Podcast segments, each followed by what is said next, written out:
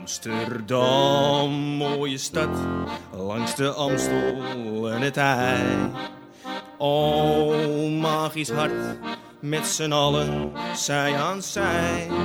Ja, Damsko strijdt voor cohesie in de straat. Want de mensen maken mokum, dat is waar, is stad voor stad.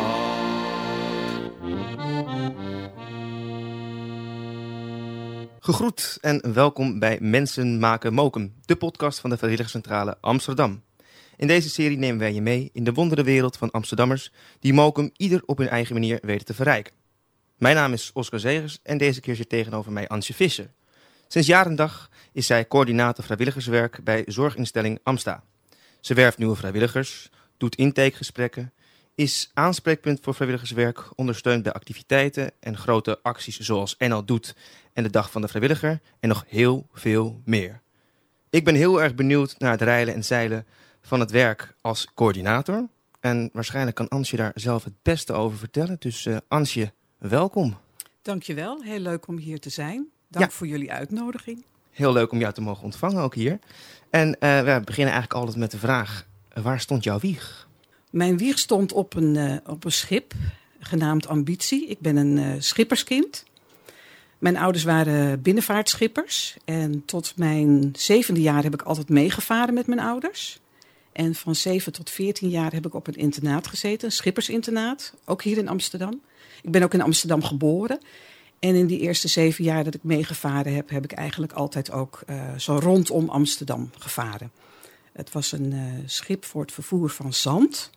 Zand voor wegenbouw en, uh, en huizenbouw. En ja, dat is natuurlijk wel een bijzonder bestaan. Ja, dat kan ik me voorstellen. Want dan begrijp ik hier ook uit dat je dus ook langere tijd uh, je ouders ook weer niet zag. Als je dus uh, aan wal was om daar onderwijs te volgen en een internaat gaf je aan. Uh... Dat klopt, ja. Ik, van 7 tot 14 zat ik op het internaat. Daar was de lagere school bij inbegrepen, zeg maar. En ik was wel een van de weinigen die in het weekend naar huis ging. Niet alle kinderen gingen naar huis, maar ik was een van de weinigen die in ieder geval wel het weekend naar huis ging. Okay. Maar door de week was ik op het internaat en zag ik mijn ouders niet. En, en had je het idee toen of achteraf dat dat al heel erg ook uh, uh, vorm gaf aan jouw schooltijd eigenlijk? Dat dat anders was dan op andere reguliere scholen? Dat je met kinderen op school zit die ook hun ouders niet een langere tijd niet zien? Nou ja, ik zat natuurlijk op het internaat en daar zaten allemaal kinderen in dezelfde situatie. Dus mm -hmm. voor mij was dat eigenlijk mijn wereld. Ik zag niet zo dat er verschil was met, met andere kinderen. Maar toen ik naar de middelbare school ging, toen ontmoette ik natuurlijk allemaal andere kinderen. De middelbare school was niet betrokken bij het internaat. Uh, en dat betekende dat kinderen eigenlijk altijd heel verbaasd waren als ze mij hoorden vertellen van ja, ik zit op een internaat. Die wilden allemaal mee om te kijken hoe het daar was. Want wij sliepen in het begin nog op slaapzalen. En uh, ja, je zit met 25 kinderen in een groep. Het is natuurlijk heel anders dan wanneer je gewoon bij je ouders woont. Ja. Dus kinderen waren altijd wel heel nieuwsgierig. En toen ontdekte ik ook dat het heel anders was eigenlijk. Ja. En hoe, en hoe zag je, je jeugd er verder uit, je vrije tijd? Ik bedoel, uh, hoe, hoe ging dat? Um, nou, het was wel anders dan van andere kinderen. Want uh, ja, omdat je op een internaat zit, kun je eigenlijk niet zo deelnemen aan clubjes en dergelijke. Uh, en het weekend ga je altijd naar huis, tenminste ik dan. Dus dat was dan ook weer een periode waarin je niet iets kon ondernemen met andere kinderen. Dus het was, uh, tot zeven jaar was er vrij geïsoleerd bestaan voor mij. Um, het schip was steeds op een andere plek. Dus ik kon ook eigenlijk geen vriendjes en vriendinnetjes maken. Want ik, ja, ik was steeds weer ergens anders. Als ik het goed begrijp, uh, uh, moest je dus ook wel gewoon een rijke fantasie hebben om jezelf uh, uitgebreid te kunnen vermaken. Als je geen vriendjes en vriendinnetjes veel om je heen had. Of ging er toevallig wel eens een keertje iemand mee aan boord dat dat mocht voor een weekend? Dat klopt. Um, de familie was eigenlijk altijd heel erg enthousiast. Uh, de rest van de mensen zijn uh, walmensen, zal ik maar zeggen. Ja. En die wilden altijd graag in de vakanties met ons meevaren. Dat vonden ze echt geweldig, want het is natuurlijk een totaal andere wereld. Uh, dus er ging regelmatig iemand mee. En ook als ik de weekenden naar huis ging, dan ging er ook vaak wel een vriendinnetje van het internaat mee. Ik vond het dan eigenlijk heel zielig dat, uh, dat zij dan het weekend daar moesten blijven. En dan zei ik tegen mijn moeder, ah, kan ik er eentje meenemen? En Aas heeft ook nog een zusje, die is zo klein, die neemt die veel ruimte in, mag die ook mee? Aha. dus zo deden we dat dan vaak wel. Ik nam wel vaak andere kinderen ook mee naar huis als ik het weekend uh, naar huis ging toen ik op het internaat zat. Dus ergens zou je kunnen zeggen dat je dat ook al redelijk goed wist te coördineren eigenlijk, uh, dat ja. soort weekenden. Nou, ja. als je het zo bekijkt. Ja, ja. ja, ja, ja. En uh, hoe was dat dan verder als, als, als leerling op school? Uh, uh, was je een goede leerling? Was het goed om je daarop te concentreren? Uh... Ja, ik was een goede leerling. Um, ja, het hele schoolsysteem was toen nog wat anders. Um, de schipperschool die werkte als volgt. Je ging ook op zaterdagochtend naar school en je ging elke dag tot half zes naar school. Want voor de schippers was het vroeger belangrijk dat je de lagere school in vijf jaar deed. Dan kon je weer snel terug naar het schip om te helpen en om te werken. Maar ja, dat is in mijn, mijn periode is dat veranderd. Toen is de mammoetwet gekomen. En uh, uh, toen ben ik op een gegeven moment, krijg je zo'n CITO-toets. Dat was er toen ook al. En uh, ben ik getest en toen ben ik naar de middelbare school doorgegaan. dus het hele schoolsysteem was nog wat anders toen wij op het internaat zaten. Ja, maar je ouders hebben het dus wel op die manier meegemaakt? Die... Mijn ouders hebben alleen de lagere school gedaan. Ja, ja. dat klopt. Mijn vader is van generatie op generatie schipper. Okay. En mijn moeder komt uit Drenthe. Dus die komt uit een hele andere richting. Die was geen schippersvrouw. en die heeft nieuw. het helemaal moeten leren, zeg maar. En dat was ook wel spannend. En Mm. vond het ook niet altijd even leuk. Nee? Nee. Oké. Okay. En waar, waar, waar merkte je dat dan aan? Wat, dat moesten er draais in te vinden, altijd op het water? Hoe, ja, je uh... bent, je bent eigenlijk ook vrij Ja. geïsoleerd. Hè? En uh, als, je, als je boodschappen wil doen, dan moet je gauw rennen als je in de sluis ligt. En is toevallig een supermarktje op de sluis. Dan uh, moet je daar heel snel je boodschapjes doen en weer terugrennen. En ja, het is allemaal een beetje. Uh, ja, je, hebt, je hebt weinig contact ook met andere mensen, en met familie. Je hebt natuurlijk wel contact met andere schippers. Ja. Dus het kwam wel regelmatig voor dat wij uh, met andere schepen naast elkaar lagen. En dan heb je contacten met mensen. Mijn broer bijvoorbeeld, die heeft verkering gekregen met een dochter van een andere schipper. Mm -hmm. En die zijn ook getrouwd, dus dat is een schippersechtpaar. Maar die varen nu zelf niet meer hoor. Maar, uh, dus zo kun je wel mensen ontmoeten natuurlijk. Het is een hele andere wereld. Ja. ja. En um, was er toen in die periode ook al een moment dat je voor het eerst iets hoorde over vrijwilligerswerk? Uh, dat je daar een bepaald idee bij had toen je jong was? Nee, dat eigenlijk niet. Nou ja, ik zag in ieder geval dat mijn ouders altijd heel erg zorgzaam waren voor andere mensen. Um, en uh, mijn vader steunde ook allerlei goede doelen. Mm -hmm. Uh, zelf heb ik op dat moment geen vrijwilligerswerk uh, gedaan. Um, toen ik in Amsterdam woonde, ben ik voor het eerst in contact gekomen met vrijwilligerswerk bij de kinderopvang. Bij mij in de buurt was een, waren lessen voor anderstalige vrouwen. En daar konden ze hun kinderen mee naartoe nemen. En dan zorgde ik voor de, voor de kindjes. Dus dat was mijn eerste echte vrijwilligerswerk. Ja, ja. dus best wat, wat, wat later in je, in je, in je adolescententijd eigenlijk ja. uh, kwam je daarvoor Ik was zo'n jaar of 24, denk ik. Oh, Oké, okay. ja. toch echt wat stuk later ja. inderdaad. En wat wou je vroeger worden? Toen ik heel klein was, wou ik uh, zangeres, danseres worden. Mm -hmm. Um, toen ik uh, op de middelbare school zat, wilde ik advocaat worden. En um, later wilde ik graag fotograaf worden. Nou, dat ben ik toch ook nog gedeeltelijk geworden. Want naast coördinator vrijwilligerswerk ben ik ook schrijfster en fotograaf. Oh, nou, daar ja. wil ik graag later veel meer nog over horen.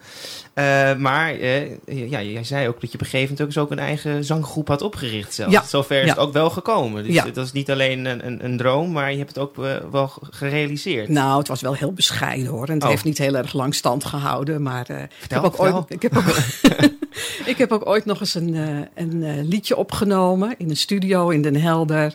En, uh, maar goed, dat heeft ook allemaal niet veel, veel voeten in de aarde gehad. Nou, nu hebben we het toch over. namen en rugnummers. Hoe heette de. Hoe het heette, de... Jimmy en het was een soort reggae-achtig nummer. Dat deed ik samen met een, met een andere jongen. En uiteindelijk, wat, ben je, wat voor een soort opleiding of studie ben je gaan doen? Ik ben museologie gaan studeren. Dat is educatief werk voor musea. Mm -hmm. Uh, ik heb ook nog heel veel andere dingen gedaan. Ik heb ook fotografie gestudeerd. Ik heb handvaardigheid gestudeerd. Uh, ik, heb, uh, ik ben redacteur geweest een hele tijd. En daarvoor heb ik ook um, opleidingen gedaan op het gebied van redactiewerk aan de School voor Journalistiek.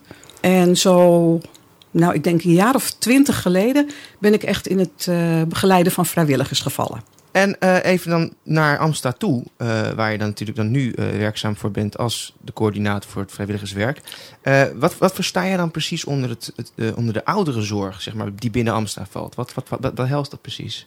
Misschien moet ik eerst even iets vertellen over Amsterdam zelf. Oké. Eh Amsta is een Amsterdamse zorgorganisatie. Wij werken voor ouderen en voor mensen met een verstandelijke beperking. Dus dat is een hele aparte groep.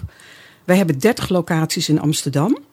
En het vrijwilligerswerk is opgedeeld in regio's. Eh, ik ben coördinator vrijwilligerswerk voor de regio Nieuw-West en Zuidoost. En daar vallen zes locaties onder. Eh, ik heb drie locaties in Geuzenveld. één in Zuidoost, één in Osdorp en één in Slotervaart. Mhm. Uh, dus ik doe dit werk niet alleen. Ik Nee. heb eh, nog drie collega's die eigenlijk hetzelfde doen in een andere regio. Ja, wat houdt, het, eh, wat houdt ouderenzorg in? Ja, tegenwoordig moeten mensen zo lang mogelijk zelfstandig thuis kunnen blijven wonen. Dat heeft ook consequenties voor de mensen die bij ons komen. Want als mensen dus bij ons komen in een kleinschalige woonvorm voor mensen met dementie of in een verpleeghuis, dan hebben mensen eigenlijk al heel veel zorg nodig. En dat betekent ook ehm, dat dat voor het vrijwilligerswerk ook andere eisen stelt. Eh, meestal krijg ik vrijwilligers die denken aan, ik noem het altijd de breiende oma. Mhm. Dat zijn dus eh, oudere, gezellige mensen die een kopje koffie drinken en eh, waar je mee kan babbelen en die zitten te breien. Dat idee hebben mensen over het algemeen als ze vrijwilligerswerk met ouderen gaan doen. Dat is natuurlijk eigenlijk al lang niet meer zo. Eh, want de mensen bij ons hebben eigenlijk zoveel zorg nodig dat dat ook heel veel vraagt van de vrijwilliger. Eh, dat betekent bijvoorbeeld als je werkt met dementerenden, eh, dat je ook eh, niet moet verwachten dat je heel veel terugkrijgt Mhm. van de bewoners. En dat is voor sommige mensen toch moeilijk. Een vrijwilliger die zoekt toch eigenlijk vaak naar een soort, ehm, ja, soort bevestiging, een soort band opbouwen. En dat kan dus niet met, met iedereen. Nee. Als jij dementerend bent, dan weet je misschien volgende week niet meer wie die vrijwilliger is. Nee. Kan wel hoor, maar het, het, het, het stelt hele andere eisen aan het vrijwilligerswerk eh, vanuit ons gezien. Hè? Ja, nee, en dat kan ik me dus ook heel goed voorstellen. Een van de redenen dat we ook eh, dit, eh, dit, dit programma is ook maken, is om juist ook te belichten wat het nou allemaal precies inhoudt. En een beetje voor, ja, voorbij kunnen lopen aan de, aan de clichés die er zijn van, oh, dat zal er wel zus en zo uitzien. En je doet, drinkt een kopje thee en uh, cessa. Ja. Er komt veel meer bij kijken. Eh, Zeker. Ja. ja, voor alle kanten hoor. Dat is ook voor de medewerkers van onze organisatie. Hè? Want die begeleiden de vrijwilligers. Ik begeleid de vrijwilligers niet. Nee, Hè? nee. Ik werf ze en daarna komen ze op de werkvloer en worden ze begeleid door een collega. Uh, maar dat betekent dat best wel een investering ook van ons als organisatie in de vrijwilliger. Je moet iemand inwerken, je moet iemand begeleiden, je hebt voortgangsgesprekken, et cetera. En de zorg staat heel erg onder druk. Dus vaak is dat heel lastig voor collega's ook om dat te doen. En er zijn ook heel veel collega's, bijvoorbeeld zorgmedewerkers, Mhm. die hebben helemaal geen ervaring in het werken met vrijwilligers. Ja. Dus dat botst nog wel eens. Oké. Dus je moet Dus dat ook kan- wel bemiddelen in conflicten. Ook, ja, Ja. dat is ook een van mijn taken. Ja, Kijk, dat ja, klopt. het is Ja, een flink takenpakket dan inderdaad ook. Want hoe ziet een gemiddelde werkdag dan er voor jou uit? Doe eens een schets. Een gemiddelde werkdag. Ehm, eh, ik ben eigenlijk ook een soort evenementencoördinator. Want er gebeuren heel veel dingen voor onze locaties. Ik krijg heel veel verzoeken van bedrijven die bijvoorbeeld met hun, vrijwilligers, met hun medewerkers vrijwilligerswerk willen doen. Eh, in het kader van maatschappelijk bewust ondernemen. Ehm, daarvoor eh, moet ik dan allerlei dingen regelen op de verschillende locaties. Eh, soms hebben bedrijven die willen wel drie dagen achter elkaar vrijwilligerswerk bij ons komen doen. Dan maak ik een programma samen met de locatie, met de activiteitenbegeleiding.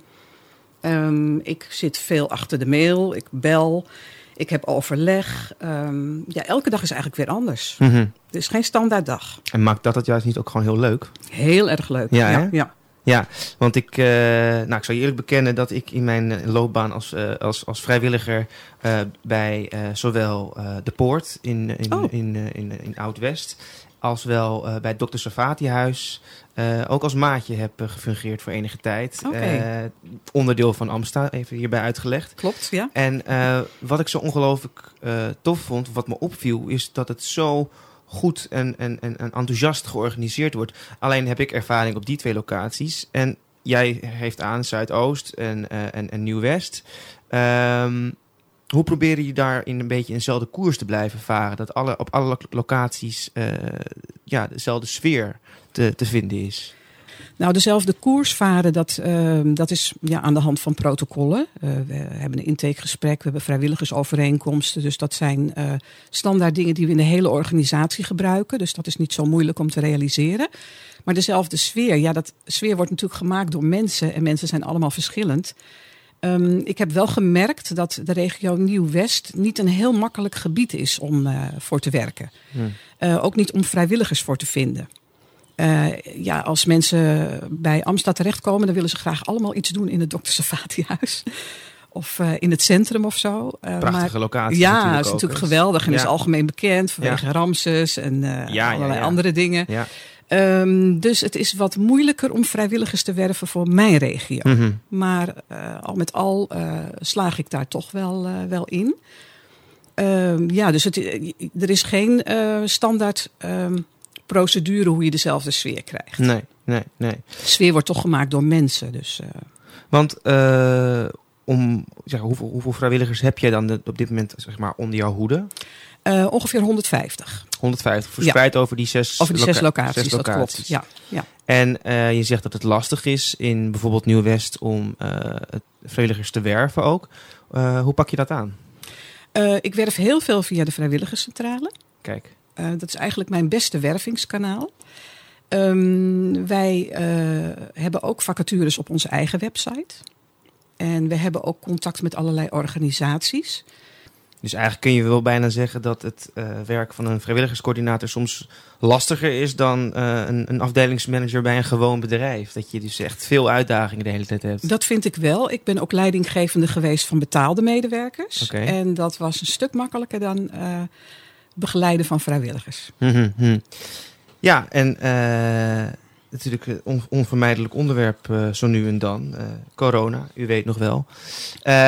Zeker. Ja, de invloed van corona op het vrijwilligerswerk en het rijden en zeilen van het verzorgingstehuis. Wat is, daar, wat is de impact daarvan geweest? Nou, de impact was heel groot. Er zijn um, op diverse locaties ook bewoners overleden.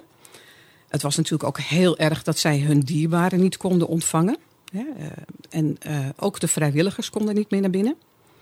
En ik zelf heb uh, toch wel ruim een jaar wel thuis gewerkt. Mm -hmm. Dus het heeft voor alle partijen eigenlijk heel veel impact gehad. Ook voor mijn collega's die op de werkvloer staan, die echt in de zorg staan, ja. aan het bed staan. Nou ja, als er een afdeling besmet was, dat was een enorme toestand met aan- en uitkleden en aparte ruimtes. En het was, het was ontzettend zwaar.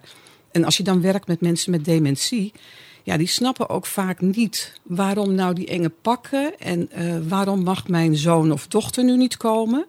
Uh, die willen toch door het hele gebouw lopen, want die hebben behoefte om, om te lopen en te bewegen. Dat is heel moeilijk om die mensen uit te leggen wat er aan de hand is ja. en, en hoe lang dat duurt. Ja, dat kun je nu vertellen en over een half uur weer opnieuw vertellen. Dat, ja. Dus dat zijn hele lastige situaties. Ja, en, en überhaupt inderdaad. Nou, ik ben dus zoals ik zei maatje geweest bij het Dr. Savati huis. En uh, dat was uh, ook iemand die in principe niet van zijn afdeling zomaar af kon. Maar ik kon wel met ja. hem op stap gaan. En dat, dat viel op een gegeven moment ook weg door, door de corona, want dat, dat kon niet doorgaan. Maar dat vroeg ik me ook al zo vaak af. Hoe, hoe, hoe gaat het voor diegene zijn als je al niet begrijpt wat je er überhaupt doet en dan ook nog eens een keertje extra maatregelen krijgt, van, uh, er kan toch af en toe iemand langs. En dat lijkt me best pittig hoor. De, dat is heel erg. Ja. ja. Ja. En want is er, is er, is er dan nog, we hebben, zijn allemaal uh, online gaan vergaderen en zoomen en overleggen. Is er nog wel eens een, een initiatief genomen om te kijken of je zo iemand voor een laptop kan zetten uh, en, en, en, een gesprek kan voeren? Zeker. Amsta oh. heeft heel erg geïnvesteerd in uh, laptops voor alle afdelingen, Aha. zodat er uh, videobellen gedaan kon worden. Er is ook een heel leuk initiatief geweest van uh, wandelen op afstand. Dus er zijn vrijwilligers gevonden uh, die met een telefoon of met een iPad gingen wandelen. Ja. Individueel met een, een, bewoner. De bewoner zat op de locatie. De vrijwilliger ging wandelen met de telefoon en die filmde dan bijvoorbeeld van de straat waar uh, de bewoner had gewoond of een andere belangrijke plek voor de bewoner. En dan konden ze toch met elkaar praten. En de bewoner kon dan ook zien, oh ja, het huis, ja, ja, ja hier heb ik gewoond. En, dus dat is een ontzettend leuk project. Uh, het is heel succesvol geweest. Een soort van hele persoonlijke vlog eigenlijk. Gewoon, je ging ja. live en dan zeg je, nou, ik ben nu hier en daar. En ja. uh, wat fantastisch. We hebben ontzettend, we zijn, ik ben echt heel erg verrast door Amsterdam, wat wij allemaal aangeboden hebben ah. gekregen. Um, nou, je kunt het zo gek niet bedenken. Bedrijven met bloemen, chocola, cadeautjes, taarten. Uh, optredens van artiesten in de binnentuin. Ehm, nou, wat ook heel leuk was, was raamschilderen.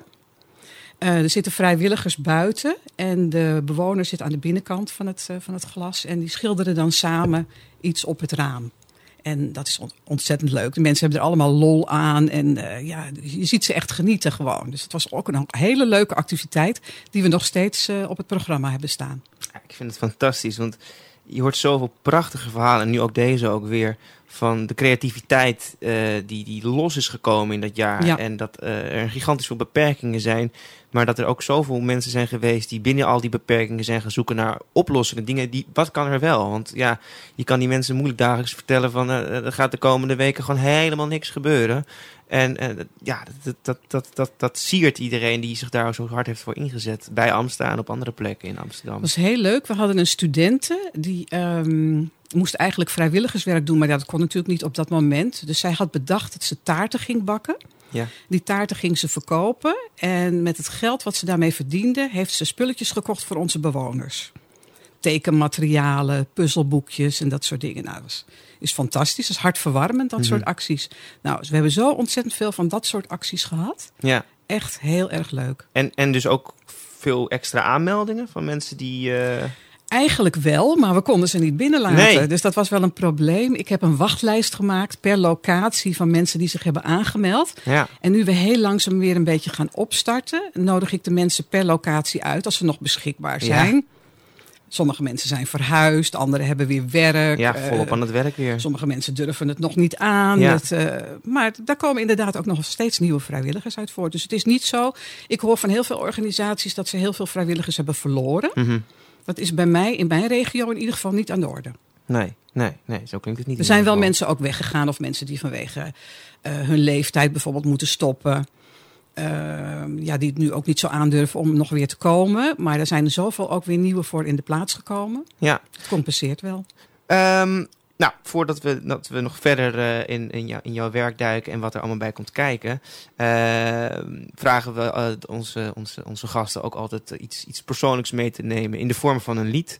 En die vraag hebben we uiteraard ook van tevoren aan jou gesteld. Ehm, jij hebt gekozen voor eh, I Do, een nummer van eh, Ali, uh, Ali Franca Touré en uh, Ray Cooder. En ik voel me even af of je dat een klein beetje kon toelichten, waarom jij voor dit nummer hebt gekozen. Ehm, ja, vier jaar geleden hebben mijn man en ik een eh, reis door Amerika gemaakt. Route 66. Mhm. Van Chicago naar Santa Monica. En dat was de eerste keer onderweg dat ik het, eh, het lied hoorde. En ik was er meteen eh, heel erg van onder de indruk. Dus als ik het lied hoor, dan doet het me meteen weer denken aan de, ja, zeg maar de uitgestrekte landschappen, de wegen in Amerika. De bijzondere dingen die wij gezien en gedaan hebben. Dus dan ben ik meteen eigenlijk weer terug op de Route 66. Kijk. Ja. Nou, we gaan eerst eens even rustig luisteren naar I Do van Ali Franco Touré en Ray Cooder.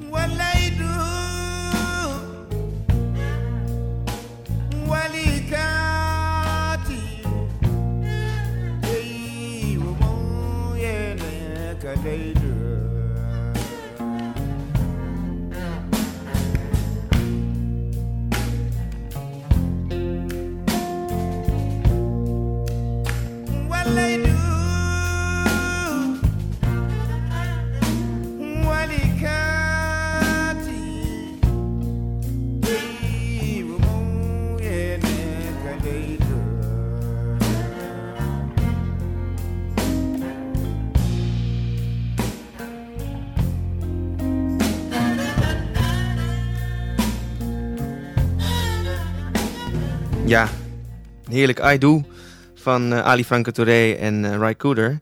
Ali Franco Touré eh, helaas niet meer onder ons, overleden alweer in 2006. Eh is toch misschien wel een van de invloedrijkste Afrikaanse muzikanten. En is toen samenwerking aangegaan met, met Ray Cooder, die met meerdere artiesten over de wereld pra- prachtige, ja, een soort van conceptalbums opnam met een artiest uit een bepaald land of een bepaalde streek, waar dit, dit nummer op staat. Wat betekent Mokum verder voor jou? Heel veel. Eh, ik ben altijd heel blij. eh wij reizen heel veel, maar ik ben altijd heel blij als ik weer terug ben eh, Mhm. thuis. Ik woon ehm 40 jaar eh, in, in Amsterdam in de Oosterparkbuurt. En dat bevalt me heel erg goed. Ik ben ook heel betrokken bij mijn buurt. Ik heb een tijdje buiten de stad gewerkt. Toen ik bij vluchtelingenwerk werkte, werkte ik in Uithoren, Aalsmeer en Amstelveen. Toen miste ik de stad heel erg. Want dan Mm. ging ik 's morgens heel vroeg de deur uit. En dan kwam ik er s'avonds rond een uur of zeven weer in. En ik had helemaal geen binding meer met mijn buurt. Dus ik heb toen werk gezocht wat weer in de buurt was. Ja, En eh, nu ook. Ik heb bijvoorbeeld een, een leeskastje buiten aan mijn muur. Dat hou ik dan bij. En ik doe één keer in de week doe ik een zwerfvuilronde. Met mijn zak en mijn prikker. En, eh, dus ja, ik, ik vind dat ik gewoon... Ik ben betrokken bij mijn buurt. Ik vind Ja. dat heel fijn. En eh, bij Amsterdam in het algemeen. Ja. Ik ben altijd trots als ik zeg van ik kom uit Amsterdam. in je vrije tijd, heb ik begrepen, hou jij je dus ook eh, aardig veel met, met kunst bezig. Dat kan je daar wat meer over vertellen? Ehm, ik ben ook fotograaf en ik ben schrijfster. Ehm, ik heb op het moment een expositie van zes werken in Madrid. Eh, komende tijd ook weer in Madrid en bij de kunstbeurs in Monaco. Eh, vorig jaar en ook dit jaar heb ik eh, expositie gehad in Londen. Maar ja, daar kon ik zelf niet heen vanwege de corona. Hmm.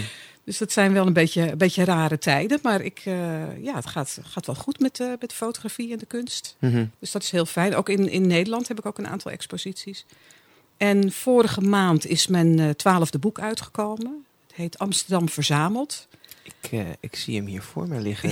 Het was wel een kleine primeur inderdaad. Vertel, hoe zit dat? Nou, ik ben zelf een verzamelaar van huis uit. Van heel veel verschillende dingen. Van eh, stenen, kinderprentenboeken, eh, houten beeldjes van stelletjes, muziekdoosjes, eh, boekenleggers. Daar heb ik eigenlijk altijd heel veel lol aan beleefd, aan het verzamelen. En ik ken ook nog wel meer mensen die verzamelen. Dus een aantal mensen in het boek, die ken ik persoonlijk.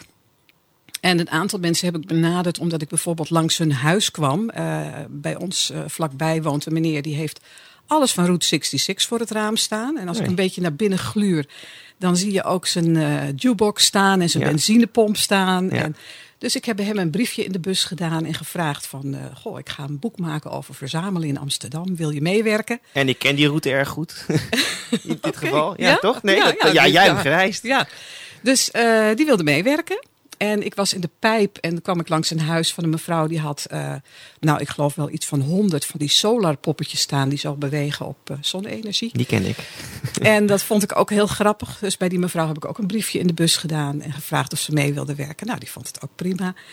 En eigenlijk het leukste aan eh, de interviews met de mensen was ook dat ze allemaal een bijzonder levensverhaal hebben. Mhm.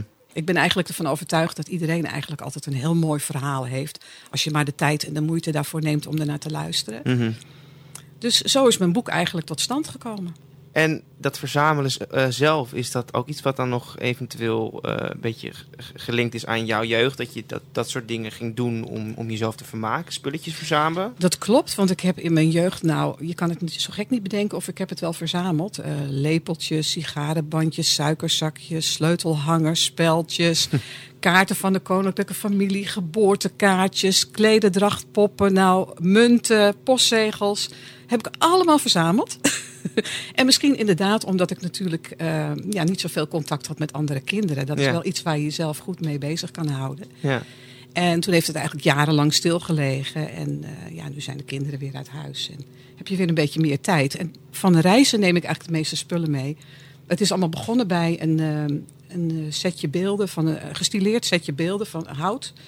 Van een kunstenaar toen we in Groenland op vakantie waren. En dat vond ik zo mooi. En dat nam ik mee. En ik zet het thuis neer. En daarna ga je op reis naar een ander land. En dan denk je, oh, daar staan ook hele mooie houten beeldjes. En toen heb ik uit allerlei landen heb ik dat meegenomen. En nou, dat staat dus ook op de voorkant van het boek bijvoorbeeld. Een prachtig boek. En eh, voor de geïnteresseerden, waar zouden ze dat kunnen vinden? Eventueel kun je dat aanschaffen? Ze kunnen het op bol.com bestellen. Of ze kunnen het bij uitgeverij Boekscout bestellen. Boekscout. Ja, het heet Amsterdam Verzameld. Ja, ja. Nou, we zullen ervoor zorgen dat het ook eh, in de podcast, in de show notes eh, vermeld wordt waar je dat eh, voor de geïnteresseerden. Want het ziet er fantastisch uit. Dus ik kan het absoluut aanraden aan de luisteraars om daar, om daar eens naar te gaan zoeken. Leuk. En voor jezelf, buiten je werk om, is er op dit moment of iets wat je onlangs hebt gedaan op, in het kader van vrijwilligerswerk?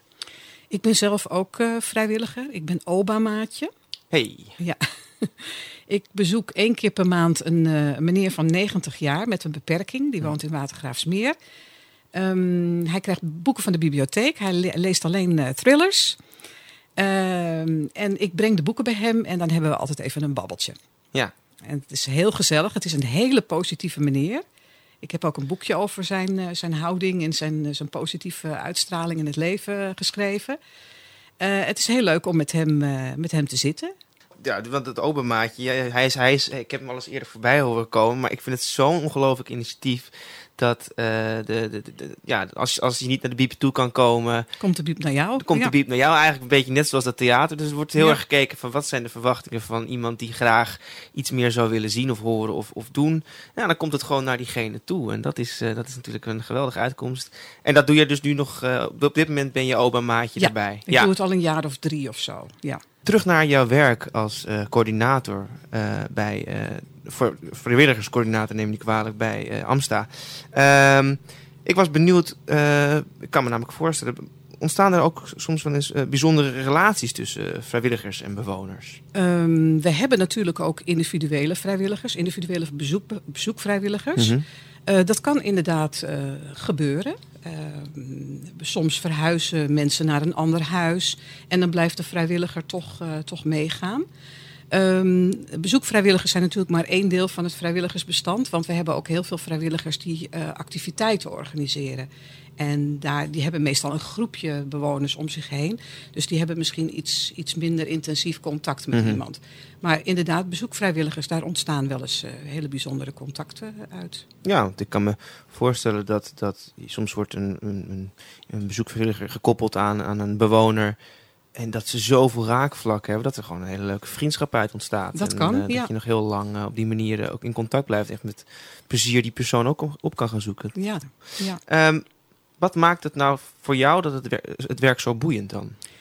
Voor mij is het heel belangrijk dat ik eh, werk heb wat maatschappelijk betrokkenheid inhoudt. Ik ben niet een persoon voor een bank of een verzekeringsmaatschappij. Dat is ongetwijfeld allemaal heel belangrijk werk. Maar dat is niet wat mij aanspreekt. Ik wil echt iets met mensen doen. Ik heb het gevoel dat ik door mijn werk ehm, de dagen van onze bewoners een beetje mooier kan maken. En Mm. dat vind ik een heel fijn gevoel. Ja, en dan, want dat, wat, wat, zou, wat zou Amsterdam ook zijn zonder die vrijwilligers? Zou het wel, zou het wel lukken dan? Nou ja, dan is het heel magertjes. Ja. Het draait wel door. De Ja. zorg draait wel door. Want we Ja. hebben natuurlijk nu ook in coronatijd hebben we ook gewoon doorgedraaid. Maar ehm, ja, de, de, de vrijwilligers die zijn voor de extra's. Die zijn voor de, de leuke dingen en eh, eh, voor de lach op het gezicht van de, van de bewoners. Want kan je, eens een, kan je eens een paar voorbeelden geven van bepaalde activiteiten die vrijwilligers eh, uitvoeren? Eh, misschien activiteiten die, die, die de luisteraar niet zo snel zal verwachten. Nou ja, de bingo en dat soort activiteiten, dat kent iedereen wel. Ja, Ehm, wat misschien leuk is, we hebben, dat is, ja, is ook niet echt vrijwilligerswerk. We hebben pas een eh, fotokabinet gehad. oh ja. Eh, dat is heel grappig. Dat is zo'n fotoboot, zeg maar. En eh daar worden dan van die pakketjes bijgeleverd per bewoner met eh snorretjes, hoedjes en allemaal coronaproof in een, in een tasje voor elke bewoner. Mhm. En dan kunnen ze drie foto's maken. En Mhm. die komen op een briefkaart geprint. En er staat iets leuks bij. En dat wordt dan naar de familieleden gestuurd. Nou, dat is natuurlijk een ontzettende leuke activiteit. Ze hebben heel veel lol bij het foto's maken. En alles is coronaproof. Je doet met een eh, voetdruk op de knop eh, wordt de foto gemaakt. De drie foto's worden samengesteld en op de kaart eh, geprint. Dus dat zijn natuurlijk wel ontzettende leuke dingen. En daar helpen soms vrijwilligers bij om de bewoners op te halen, naar beneden te brengen. Ehm, wandelen is altijd een hele populaire activiteit. Dat vinden vrijwilligers heel leuk, maar de bewoners ook heerlijk. En vooral nu na coronatijd Mhm. is dat echt iets wat heel belangrijk is. Mensen kunnen niet wachten om naar buiten te gaan. En als je als zorgmedewerker op een, eh, op een groep staat met, eh, met zes bewoners, dan kun je natuurlijk niet met zes bewoners tegelijkertijd wandelen.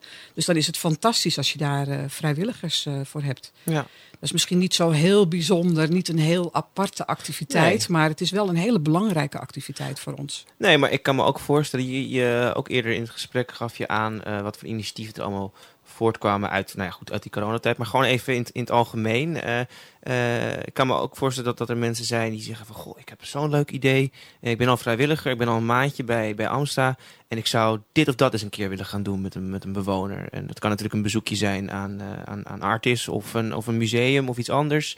Dat iets dat heel erg persoonlijk ook is voor de bewoner, omdat diegene daar al heel lang niet meer in de buurt is geweest. Of dat ze heel graag een keer naar een concert zou willen. Dat soort dingen. Je hebt de, de, de, de vrijwilliger kan natuurlijk ook het initiatief nemen in wat hij met een bewoner zou kunnen ondernemen. Mits Zeker. het toelaatbaar is. Daar is ruimte voor, Ja. eh, over het algemeen wel. Eh, het is wel zo dat wij, eh, als we gaan wandelen met bewoners, dat we de vrijwilligers niet, in principe niet alleen met de bewoner laten wandelen. Want mensen hebben natuurlijk best wel een ingewikkelde achtergrond. Het zijn allemaal hele kwetsbare mensen.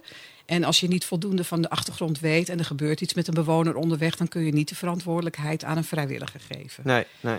Dus vandaar dat er dan wel altijd iemand van de locatie mee is. Dus het gebeurt niet zo heel veel dat een vrijwilliger bijvoorbeeld met iemand naar eh, een voorstelling gaat. nee.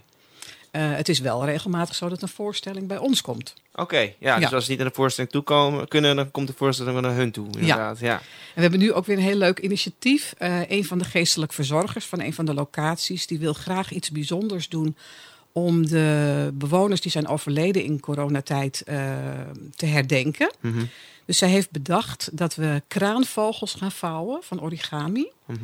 En daar heb ik dus vrijwilligers voor benaderd. Die kunnen dat gewoon thuis doen. Vrijwilligers die nog niet op de locatie kunnen komen, bijvoorbeeld, die kunnen hier toch bij betrokken zijn. Dan kunnen ze kijken hoe ze dat doen. En dan eh, gaan we van al die origami-vogels samen gaan we een eh, blijvend kunstwerk maken. Dat is een prachtig initiatief. Ja, is leuk. eh, ja. Zeker. Ehm, ja, waar, waar, waar, ik, waar ik gewoon heel erg benieuwd naar ben, is ehm, of je bepaalde tips hebt ook voor iemand die jouw werk zou, zou doen op een bepaalde manier. Dus bij een andere organisatie, dus een beginnend eh, coördinator eigenlijk voor vrijwilligers, vrijwilligerswerk. Eh, je hebt al een beetje uitgelegd hoe je dag eruit ziet, wat je taken zijn en dat dat elke dag wisselend is. Maar wat zou je nou een, een, startend eh, coördinator vrijwilligerswerk mee willen geven? Ehm, nou, ik heb bij de welzijnsorganisatie heb ik eigenlijk het hele vrijwilligersbeleid opgezet. Dat was er toen nog niet. Mhm. Ehm, ja, en op, op een gegeven moment verzandde dat voor mij in heel veel administratie en beleidsmatige zaken. En dat vond ik dus minder. Ja, Ehm, ik de- de- denk wel een belangrijke tip is dat je professioneel moet blijven. Eh, dat je niet te veel je eigen gevoel daarin mee moet laten gaan. Je kan bijvoorbeeld iemand tegenover je krijgen die in tranen is. En die zegt, oh, maar ik heb helemaal niks anders te doen. En ik wil het zo graag proberen. Terwijl je denkt van, nou, ik geloof niet dat die persoon daarvoor geschikt is. Dat je dan toch laat proberen Ja, ja. dat het helemaal misloopt of Mm. zo. Je moet ook durven vertrouwen op je eigen gevoel daarin. En eh, je moet vrijwilligerswerk ook professioneel benaderen. Dat klinkt misschien een beetje hard, maar ehm, niet iedereen is geschikt voor elke functie. nee. Nou, misschien is het ook wel gewoon heel duidelijk dat je er absoluut gewoon niet te makkelijk over na moet denken. Ik denk, Nee, absoluut iedereen niet. is geschikt voor dezelfde functie, maar Nee. voor iedereen valt wel weer iets te vinden. Dat kan zeker. Ja, Ja, ja. Dus, eh, dus wat dat betreft is, is het dus misschien de tip kan wel zijn van eh, aan, een, geen, aan iemand die dat coördineert.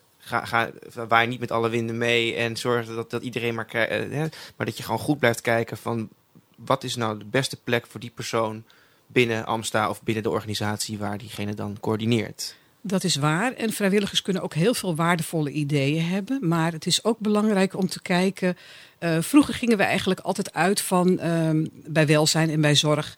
Eh, de medewerkers gaan een plan bedenken en dat gaan we uitvoeren. Ja, Tegenwoordig is dat anders. Je gaat luisteren naar de bewoners en je gaat kijken wat zij graag willen doen. Mm. En daar sluit je bij aan. Anders krijgen zij allerlei dingen op, voorgeschoteld waar ze misschien helemaal geen zin in hebben. Dus je gaat uit van de vraag van de bewoners. En het kan heel mooi zijn dat daar een, eh, een idee van een vrijwilliger bij aansluit. Dat is natuurlijk heel erg mooi. ja. Maar het is niet altijd zo dat het idee van de vrijwilliger dan ook uitgevoerd moet worden. Want het moet ook wel passen binnen, binnen ons eh, en binnen de vraag van de bewoner, binnen, de, binnen de, het stramien van de organisatie, et cetera. Ja, oké, helder. Eh, maar heb je ook nog tips voor mensen eh, die starten met het doen van vrijwilligerswerk aan zich? Waar, waar kunnen diegenen nou het beste op letten als ze gaan zoeken naar een, een type vrijwilligerswerk? Ehm, ja, al, een algemene opmerking daarover vind ik heel moeilijk. Ik denk dat ze iets moeten zoeken wat, wat, eh, wat ze aanspreekt ook. Het Vrijwilligerswerk moet ook vooral leuk zijn. Mhm. Eh, je moet er zelf ook lol aan beleven. En eh, meestal is het zo, je doet iets voor een ander, maar dat geeft jou ook iets terug. En dat gevoel moet je natuurlijk wel hebben. Dus je moet wel iets kiezen waarvan je denkt van... Nou, ik vind het heel leuk om te koken. Dan ga je iets in die richting doen.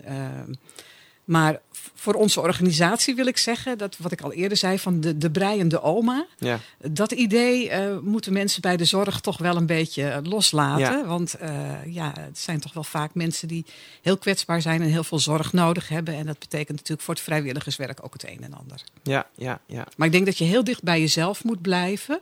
Bij iets wat jou heel erg aanspreekt. Ik hou van lezen, ik hou van boeken, ik heb boeken geschreven. Dus wat ga ik dan doen? Dan ga ik bij de bibliotheek vrijwilligerswerk doen. Nee, gouden tip. Houd, houd het zo persoonlijk mogelijk inderdaad. En ga op die manier zoeken. Eh, neem daar, daarover ook contact op als je, als je er moeilijk uitkomt. Maar je kan, je kan bedrijven benaderen. Je kan van alles nog wat bedenken om, eh, om erachter te komen wat je eventueel op vrijwillige basis kan doen. En wat je kan verrijken. Eh, want dat maakt het ook wel interessant om even te benoemen. Dat als er mensen zijn die... nou, we hebben wel eens vaker gezegd natuurlijk op de website van de Vrijwilligerscentrale Amsterdam kunnen kijken om te zien hoe daar, wat, er, wat er allemaal te vinden is. Er is een overzicht van duizend verschillende klussen over de hele stad. Maar als je er nou online ook niet uitkomt, dan kun je ook altijd een afspraak maken met een van onze bemiddelaars eh, bij eh, de Vrijwilligerscentrale Amsterdam. En die helpen je op weg eh, in het maken van keuzes die bij jou passen. Dus dat kan je ook trouwens nog eens even gaan bekijken in de show notes. Ehm, want we gaan zo langzaam richting het einde van dit geweldige gesprek dat we hierover hebben gehad. Maar ik wil je toch nog even één vraag stellen. Als jij in de gelegenheid zou zijn om met eh, in één zin eigenlijk alle Amsterdammers een boodschap mee te kunnen geven over de bewoners van Amsta in dit geval, wat zou die boodschap dan kunnen zijn? Nou, eigenlijk wat de burgemeester ook zegt. Wees lief voor de stad. En wees lief voor elkaar. Ja. Ik denk dat dat, eh, dat heel belangrijk is. Eh, dat is niet specifiek van de bewoners van Amsterdam, denk ik. Maar ik denk dat dat van elke Amsterdammer is. Voor elkaar. Ja, voor elkaar zijn. Ja. En, en je ook bewust zijn wat er allemaal ik- ook in een stad is. eh, en, en dat iedereen daarbij hoort. Dat het één grote samenleving is. Nou, prachtige boodschap. Dank je wel daarvoor. Want daarmee komen we aan het einde van, deze, eh, van dit gesprek. En voor nu wil ik, eh, wil ik Radio Noordzij weer bedanken voor het realiseren van de opnames. En Linda Slachter voor de productie. En Juri Garretsen voor de strakke montage en techniek. En bovenal natuurlijk Ansje eh, bedankt voor het fijne gesprek en de inspirerende woorden. En voor de luisteraars, jullie ook bedankt voor het luisteren. En eh, graag tot de volgende keer bij Mensen Maken Mokum. Oh, en vergeet je ook absoluut niet te abonneren. En laat sterren en commentaar achter via de app als je dat wilt. En in de show notes zijn alle verwijzingen waar we het eerder over hebben gehad eh, te vinden.